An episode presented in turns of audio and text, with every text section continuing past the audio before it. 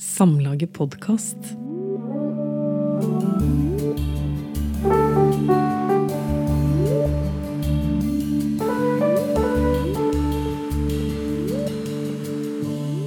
Vi skal snakke med Maria Lavik om eh, hennes bok 'Vi, de fattige'. Åtte fortellinger om barnefattigdom. Eh, og jeg, Cecilie Seines, jeg er sakprosaredaktør på Samlaget. Og 'Vi, de fattige' er en bok som, der vi ble kjent med åtte barnefamilier. Fattige familier. eh, Der barna ikke starter på samme startstreken som andre barn, men langt bak. Det handler om foreldre som kjemper en daglig kamp for at barna skal kjenne seg normale, verdifulle og trygge. Og Dette er en type erfaringer som vi sjelden hører om, men som Maria Lavik nå gjør synlige gjennom denne boken. Og For å si litt om eh, Maria først, så er hun fra Eksingedalen. Hun eh, bor i Oslo, er journalist og har tidligere jobba i både NRK og Klassekampen. Og nå jobber du i Vårt Land. Og Maria, du begynner boken din med å si at barndom og fattigdom er to ord som ikke hører sammen. Men sjøl her i verdens rikeste land så har vi barnefattigdom. Ja, det stemmer. Og det er jo kanskje et paradoks. Vi har 115 000 fattige barn, eller barn som vokser opp i fattige familier eh, nå. Eh, 115, 000 115 000 barn, det er to til tre barn i en helt vanlig skoleklasse. Og den andelen fattige barn har blitt tredobla fra 2001. Så det er et problem som blir stadig større. da. Eh, og jeg tenkte at ja, det er jo viktig å få fram noen av de historiene som ligger bak eh, dette enormt svære tallet. da. Så det var litt eh, sånn det begynte med dette bokprosjektet. da. Ja, for det begynte jo rett og slett med SSB sine tall. dette. Det begynte med statistikk. Ja. Jeg er veldig glad i SSB. Som alle, alle andre er, sikkert.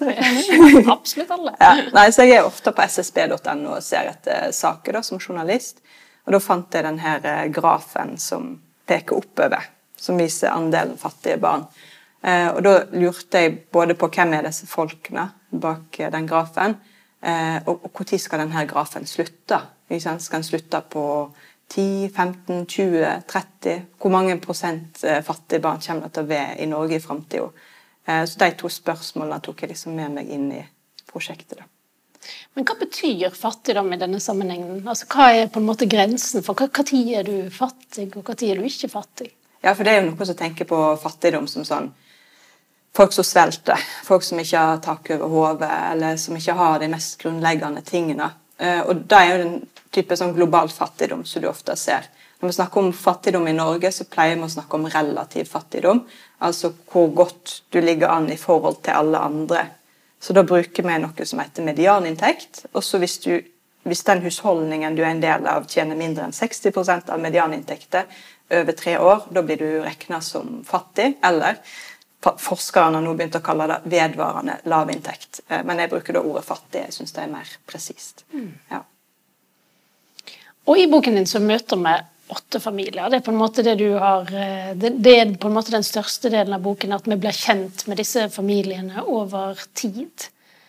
Eh, Og det handler om hvordan de har det, og hvordan de lever.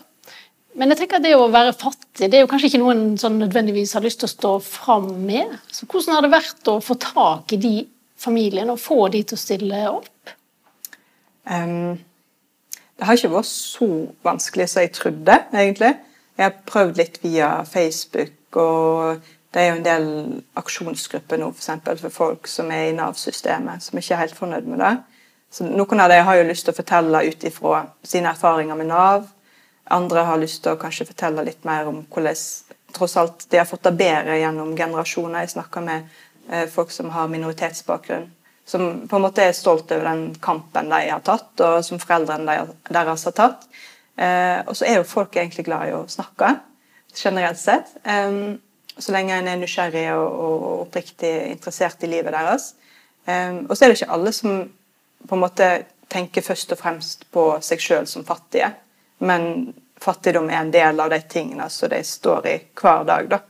Em, Men eh, kanskje òg for mange av de historiene jeg forteller, så er fattigdommen mer en kompleks del av livet deres. Eh, men jeg tenker at det er noe som påvirker hva, hva rammer de har for livene sine, og hva, hva muligheter de har. da. Men ha, altså, hva er felles for disse? Altså, en ting er at de, de er fattige, da, ut fra disse eh, statistikkene. Men, men ellers, hva, hva, slags familier er disse åtte, hvis du skal liksom, eh, si noe, noe, de har felles ellers? De har stort sett én ting til felles, og det er at det er én eh, forsørger i stedet for to.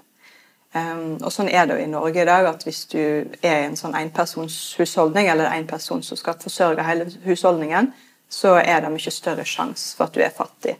Og hvis du jobber, så er det større sjanse for å være fattig. Um, så mange av de jeg møter, er jo da alenemødre, og så er det en alenepappa som vært ganske modig og ville fortalt sin historie til meg. Um, så er det òg en større sjanse for å bli fattig hvis du har innvandrerbakgrunn. Um, to av de familiene som jeg snakker med, har sånn type bakgrunn. Og da har jo de rødt røtter fra et fattigere land. Foreldrene deres var fattige når de kom til Norge. Eh, og så har de jobba på og stått på så godt de kan, men så har de jo vært i jobber som er fysisk tunge, eh, og som har vært dårlig betalt. Så har ungene fått det litt bedre, men det er fremdeles litt sånn rundt fattigdomsgrensa, da, kan du si. Så ja. Det er en kamp som tar mange generasjoner. Og du har på en måte, du har jo både møtt eh, familien, men så har du på en måte, du har jo vært spesielt interessert i hva det har å si for eh, barna. Eh, hvordan har det vært å på en måte møte barn med tanke på at de skal fortelle om fattigdom, eller det at de har lite penger, eller det at de har andre muligheter enn andre barn? Det, jo, det er jo et etisk minefelt, altså. Det er jo det. Det er jo kjempevanskelig. og det etiske regelverket jeg forholder meg til, Vær varsom-plakaten, er jo veldig åpen på at dette her skal en liksom være forsiktig med. Eh, men jeg har jo ofte begynt med å snakke mye med foreldrene da, og prøvd å forstå litt hva er det barna forstår. Og eh, i de familiene der ungene er under ti år, så har de som regel ikke visst Det har ikke blitt sagt at vi er fattige. Så for dem da, så snakker jeg litt mer om, om hvordan livene deres er, hva de liker å gjøre på om dagene. og skildre litt av samspillet som er mellom dem og foreldrene sine. Eh, Da spør jeg ikke om økonomi. Mens for de som er litt eldre, så har de ofte begynt å, å merke De vet hvor mye de betaler i husleie, de vet at naboene mye, har mye mer penger. I ene tilfellet så var jo altså husverten til faren i familien Han var da faren til, um, til en som gikk i klassen til han Georg, som jeg har intervjua. Så han reflekterte jo mye rundt hvordan det var at de ga penger til faren til kompisen. da. At det, var liksom noen ting som han gikk og tenkte på. Og eh, det er jo På ene siden skal jo barn bli beskytta, og det gjør jo i form av at de blir anonymisert i denne boka. og Georg er jo ikke ekte navnet for Georg. Um, men samtidig så sier jo Barnekonvensjonen at barns stemme eh, skal bli hørt. Og det er viktig at barn blir hørt i sånne saker. og Derfor så tenkte jeg at det er viktig å snakke med dem òg.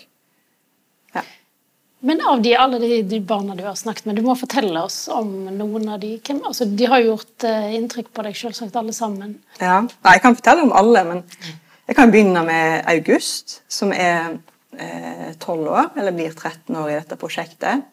Eh, og jeg møter han uh, i leiligheten der han bor sammen med mamma og søstera si. Og uh, Mora til August hun har det ikke helt bra. Hun har psykiske, en, en, psykisk sykdom som gjør at hun ikke kan jobbe sånn for fullt. Hun prøver å få liksom litt sidejobber, men hun har en sånn uføretrygd i bunnen. Og de har jo hatt det ganske tøft ganske lenge. Og egentlig så begynte det vel når mamma hans gikk ifra pappaen hans. Da ble økonomien mye dårligere. Så kom det òg en del ja, psykiske problemer etter det. da. Så han er jo Eh, veldig kunstnerisk og veldig samvittighetsfull eh, person. Som han er veldig opptatt av å skåne mora ifra at hun skal føle seg slem, eller at hun føler at hun ikke gjør nok for han. Så han pleier alltid å liksom la være å spørre om ting, eller han vet at det ikke har råd. Så, så eh, det er mange ting som han på en måte legger bånd på seg sjøl med. da. Og så har han sjøl utvikla en angstlidelse. Så har fått eh, behandling for det. da, Men eh, mora går jo rundt og lurer på er det pga. den økonomiske uroen i denne familien at sønnen min har angst. Dette er jo kompliserte greier, og jeg er jo ikke psykolog her, men jeg kan jo se for meg at når du aldri helt vet om du har råd til å betale husleia neste måned um, Hvis pengene fra Nav stopper opp, og så må du begynne å låne her og der, og så får du litt gjeld, og så ikke sant? Ting er så uforutsigbart, og da ser jeg jo før meg kan påvirke den psykiske helsa. Og da vet vi jo at den gjør. Eh, at dess fattigere du er, dess større sjanse har du for psykiske lidinger. Um, men August er jo en skikkelig fin, eh, fin fyr. Men han har det tøft. Og i det prosjektet mens jeg følger den familien, så kommer korona.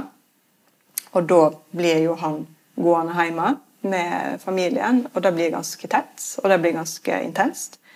Og det blir konflikter som utvikler seg til at han må flytte i fosterhjem. Og da opplever han jo at det er veldig tungt, selvsagt, men han ser jo òg at han får råd til å drive med de hobbyene som han har drømt om å drive med maling og tegning og, og, sånne ting. Han er jo veldig kreativ, og så har han ikke fått gjort de tingene pga. økonomien før.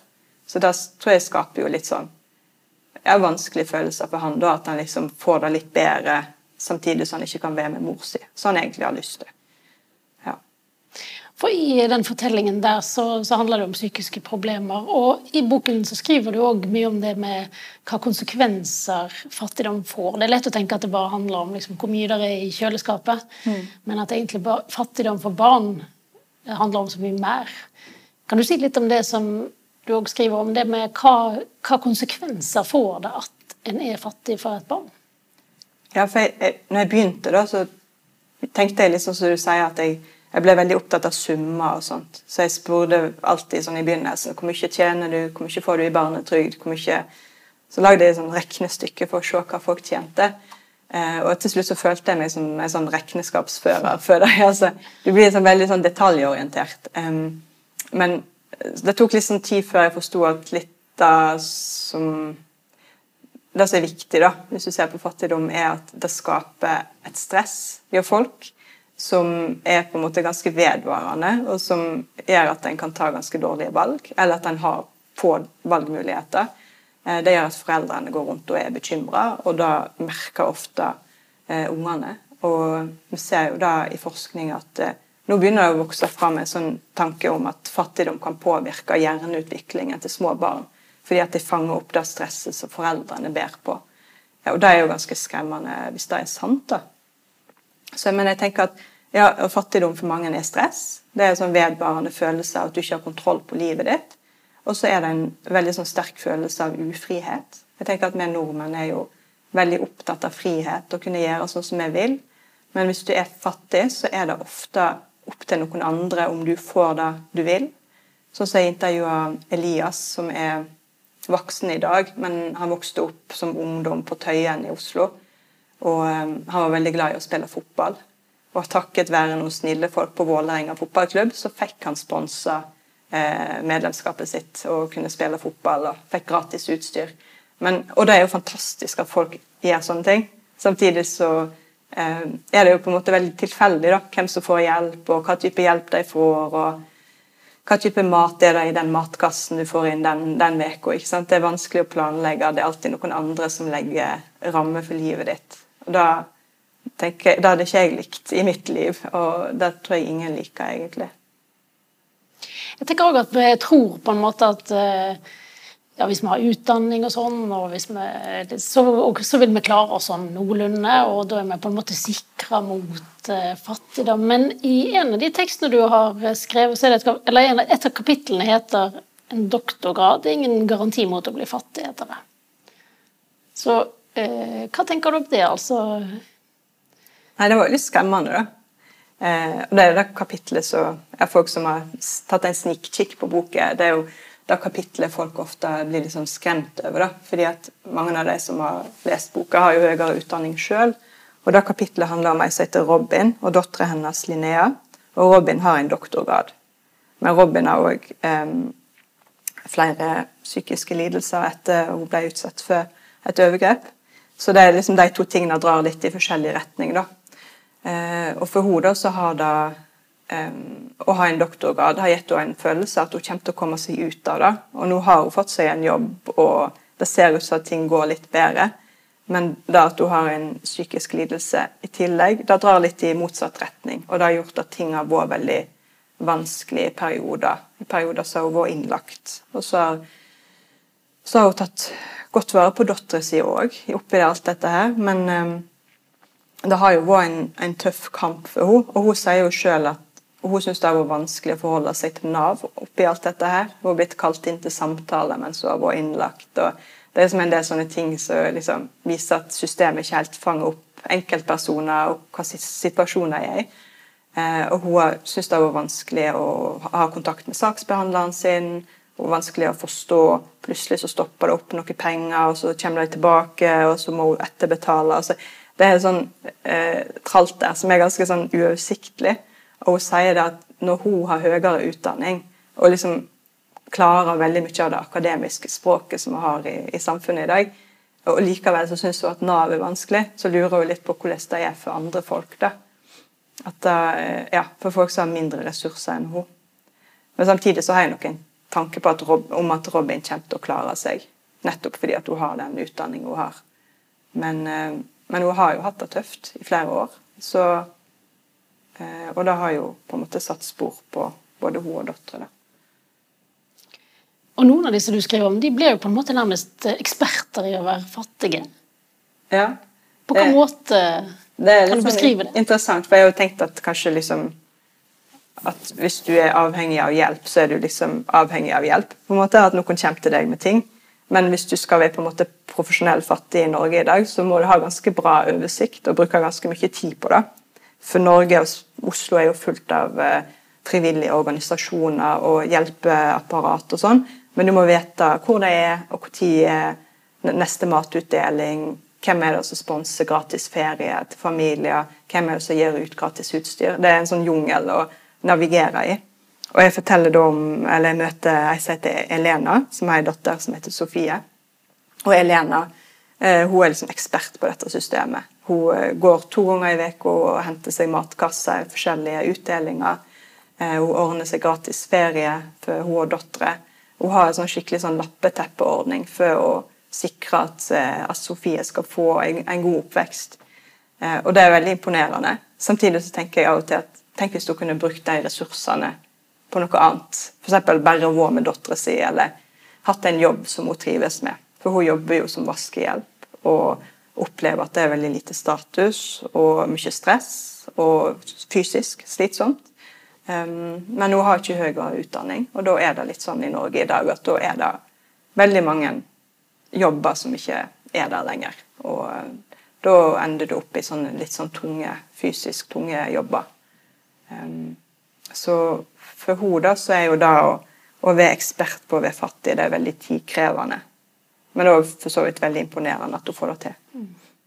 Nå så jeg veldig fint i boken din at du, i tillegg til at du forteller om disse familiene og barna, så reflekterer du òg eh, underveis i egne kapitler om eh, hvordan du sjøl reagerer i møte med, med, de du treffer. Og eh, du intervjuer eksperter, og du trekker inn ja, tallmateriale og forskjellig, forskjellig kunnskap utenfra. Men eh, da skriver du òg om hvordan du blir i møte med altså disse, de fattige som du treffer. da. Og Der skriver du om en veldig uro, at du, du blir sjøl urolig, rett og slett. Mm. Kan du si litt om hva, har, hva, det har gjort med deg å gå inn i dette feltet? Møte disse, snakke med dem om de livene de lever. Hva skjer med deg da? Nei, Det som skjedde, spesielt i begynnelsen, når jeg, ut, hadde vært ute og intervjua folk og fulgt folk over tid, så kom jeg tilbake til kontoret, og da skal jeg på en måte reflektere over hva jeg har opplevd, og skrive ut lydopptak fra, lydbåndet, og liksom bearbeide det på en eller annen måte. Da. Men det jeg har gjort hver gang, da, er at jeg eh, går inn på dropboxen min, og så åpner jeg et budsjett som jeg har laga for meg sjøl. Og så eh, blir det liksom en slags tvangs, tvangslidelse. Da, at da går jeg gjennom budsjettet mitt og ser hvor mye penger vet jeg kommer til å komme inn på konto, hvor masse penger vet jeg kommer til å gå ut fra konto, og hvor lenge klarer jeg meg liksom sånn som nå. Akkurat når jeg begynte på prosjektet, så var jeg blitt frilanser, hadde sagt opp fast jobb, og ting føltes litt mindre sånn trygt. da. Eh, men ja, så i begynnelsen så gjorde jeg dette her liksom tvangsmessig og sjekka, sjekka, sjekka. Eh, og jeg skammer meg mye over det. Jeg tenkte at liksom, dette var en teit strategi. Men eh, så etter en stund så tenkte jeg at ja, men dette her er en form for empati. da. At jeg liksom klarer å tenke at ok, dette kunne vært meg òg.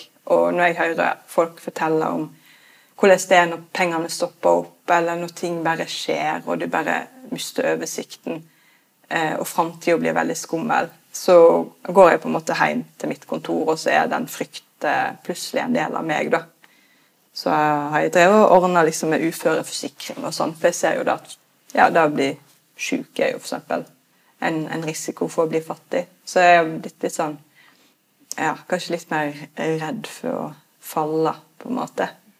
Og så har jeg tenkt at ja, det er dumt, men så er det òg bra, fordi at vi er alle mennesker, vi er sårbare, og vi kan feile, og vi kan gjøre vi kan ta dårlige valg, eller vi kan bli utsatt for folk som er kjipe. Og da trenger vi jo et slags sikkerhetsnett rundt oss. da. Eh, og det er da jeg kanskje begynner å innse at vi ikke har i like stor grad som jeg hadde håpet. at hvis du går på trynet i Norge i dag, så er det ikke alltid eh, noe som fanger deg opp. Og så kan du havne i en som, situasjon som gjør at ting bare på en måte blir verre. At det, at det krever veldig veldig mye energi for å komme seg ut av det. Og det, det har jo skremt meg, det må jeg si. Men du skriver òg at du er redd for å drive med fattigdomsturisme. Hva mener du med det? Det er jo litt sånn som når sånn hvite journalister reiser til Afrika eller et afrikansk land og liksom bare Uff, se så ille det er her, og så liksom, Stakkars deg, og sånn har ikke vi det. Og så blir det en fortelling mer om oss enn om deg, på en måte. Og det er jo alltid en uro når du på en måte skal portrettere noen som lever helt andre liv enn deg sjøl. Det er alltid fallgruver der. Um, og så tenker jeg spesielt når det gjelder fattigdom, så har samfunnet veldig mange sånn sikkerhetsmekanismer for å sikre at vi slipper å tenke at det skjer oss sjøl. Vi har mange ideer om, om, hva som gjør at folk blir fattige. At de f.eks. late, at de tar dumme valg, at de bruker pengene sine feil. Eh, at det er mange sånne individuelle grunner til at folk blir fattige. Også de verdige fattige, folk som vi skal synes synd på og, og, og har lyst til å hjelpe. Da. Eh, på, på, en måte så tror jeg kanskje det handler om at vi har veldig sånn frykt for svakhet. Vi har frykt for å være svake og sårbare sjøl. Eh, og når du ser andre folk som har det vondt, så er det på en måte en veldig Det skaper mye ubehag som kanskje egentlig burde ha vært der, for det er ikke bra å se at folk har det vondt. Og for å stå ut den følelsen av at det er vondt, så kan vi lage sånne klassifiseringer av, eh, av fattige. da. Eh, og da eh, blir det kanskje litt lettere å holde ut det, det, ubehaget, fordi at du kan liksom utklassifisere mange. At det bare ja, men det er bare deres egen feil. Og da, da kunne ikke det skjedd meg, for jeg har mye bedre moral eller etikk. Så, så da er det ikke så farlig for meg. Og, men jeg syns det skillet der er vanskelig. for som journalist og som forfatter så vil jeg jo på en måte at leseren skal ha eh, interesse og, og, kunne identifisere seg med de jeg skriver om. Og jeg vil at en skal ha sympati med dem, for de fortjener det. Samtidig så har jeg jo lyst til å framstille folk som, som ordentlige mennesker som tar dårlige valg, og som en del av det å være fattig er jo av og til å ikke kunne ta så gode valg for seg og, og sine. Og da må jeg på en måte vise det. Så jeg har prøvd å balansere litt der. Ja, det er ikke alltid fattigdommen er så vakker rett og slett, som man kanskje skulle ønske. Det er ikke alltid det er piken med svovelstikkene. Nei. Og det er kanskje akkurat det som er fattigdom. At vi blir fratatt verdighet og mulighet til å leve gode og sunne liv. Og da blir en ikke alltid så godt menneske av det. Du um, skriver òg om uh, det med at barnefattigdom har jo mange årsaker. Men så er det liksom noe som ikke er mulig å komme unna når du skriver om barnefattigdom, og det er det du kaller i-ordet, nemlig innvandring. Og, og, du skriver rett og slett at du gruer deg for å skrive om det, og, for det handler om hvordan en forklarer eller bortforklarer fattigdom. Da. Hvorfor er det så vanskelig med innvandring i denne sammenhengen? Det er vanskelig fordi det finnes folk i Norge i dag som har lyst til å stenge grenser og kaste ut folk som har en annen religion eller en annen hudfarge. Og de folkene vil ofte snakke om fattigdom som en slags grunn. Ja, men se, de er fattige. Samtidig så er det jo sant at, eh, at hvis du har innvandrerbakgrunn, så har du mye større sjanse for å bli fattig i Norge enn hvis du har norsk bakgrunn. Så de to sannhetene eksisterer liksom side om side. Eh, så vi må jo snakke om at det er en link der. Samtidig så eh, må vi være bevisst på at det er en del folk som har lyst til å bruke den kunnskapen der på en måte som ikke er særlig bra for samfunnet vårt. Um, og, men jeg tenker jo da at eh, det er jo de samme tingene som gjør at innvandrerfamilier er fattige, som at norske familier er fattige. Og det er type at de ikke jobber, eller jobber litt, og at de jobber i, i bransjer som er dårlig betalt. Um, og så I tillegg så blir jo innvandrere utsatt for rasisme og stigmatisering på arbeidsmarkedet og, og på boligen, du skal få deg bolig og sånt. Så det er jo med på å forklare det. Men jeg skulle jo ønske at vi på en måte Det er liksom en sånn deling her der venstresida ofte vil si at ja, vi må ikke snakke om innvandring, vi må snakke om fordeling. Vi må snakke om at de rike drar ifra, og det er liksom det viktige. Det med barnefattigdom kan bli litt sånn gjemt vekk, og linken mellom barnefattigdom og innvandring blir gjemt litt vekk. Mens på høyresida så kan jeg bare si eh, barnefattigdommen går opp pga. innvandring. Akkurat som det på en måte er koder i genene til folk at de er fattige. Og det er det jo ikke. Eh, så jeg skulle ønske at de to leirene bare la ifra seg litt sånn kjepphestene sine og, og, på en måte ser på at barnefattigdom er et superalvorlig problem som en kan være med på å liksom, true framtida til Norge som en velferdsnasjon og alle de tingene vi er stolte av. At vi er frie, og at vi kan ta egne valg og at vi kan leve gode liv.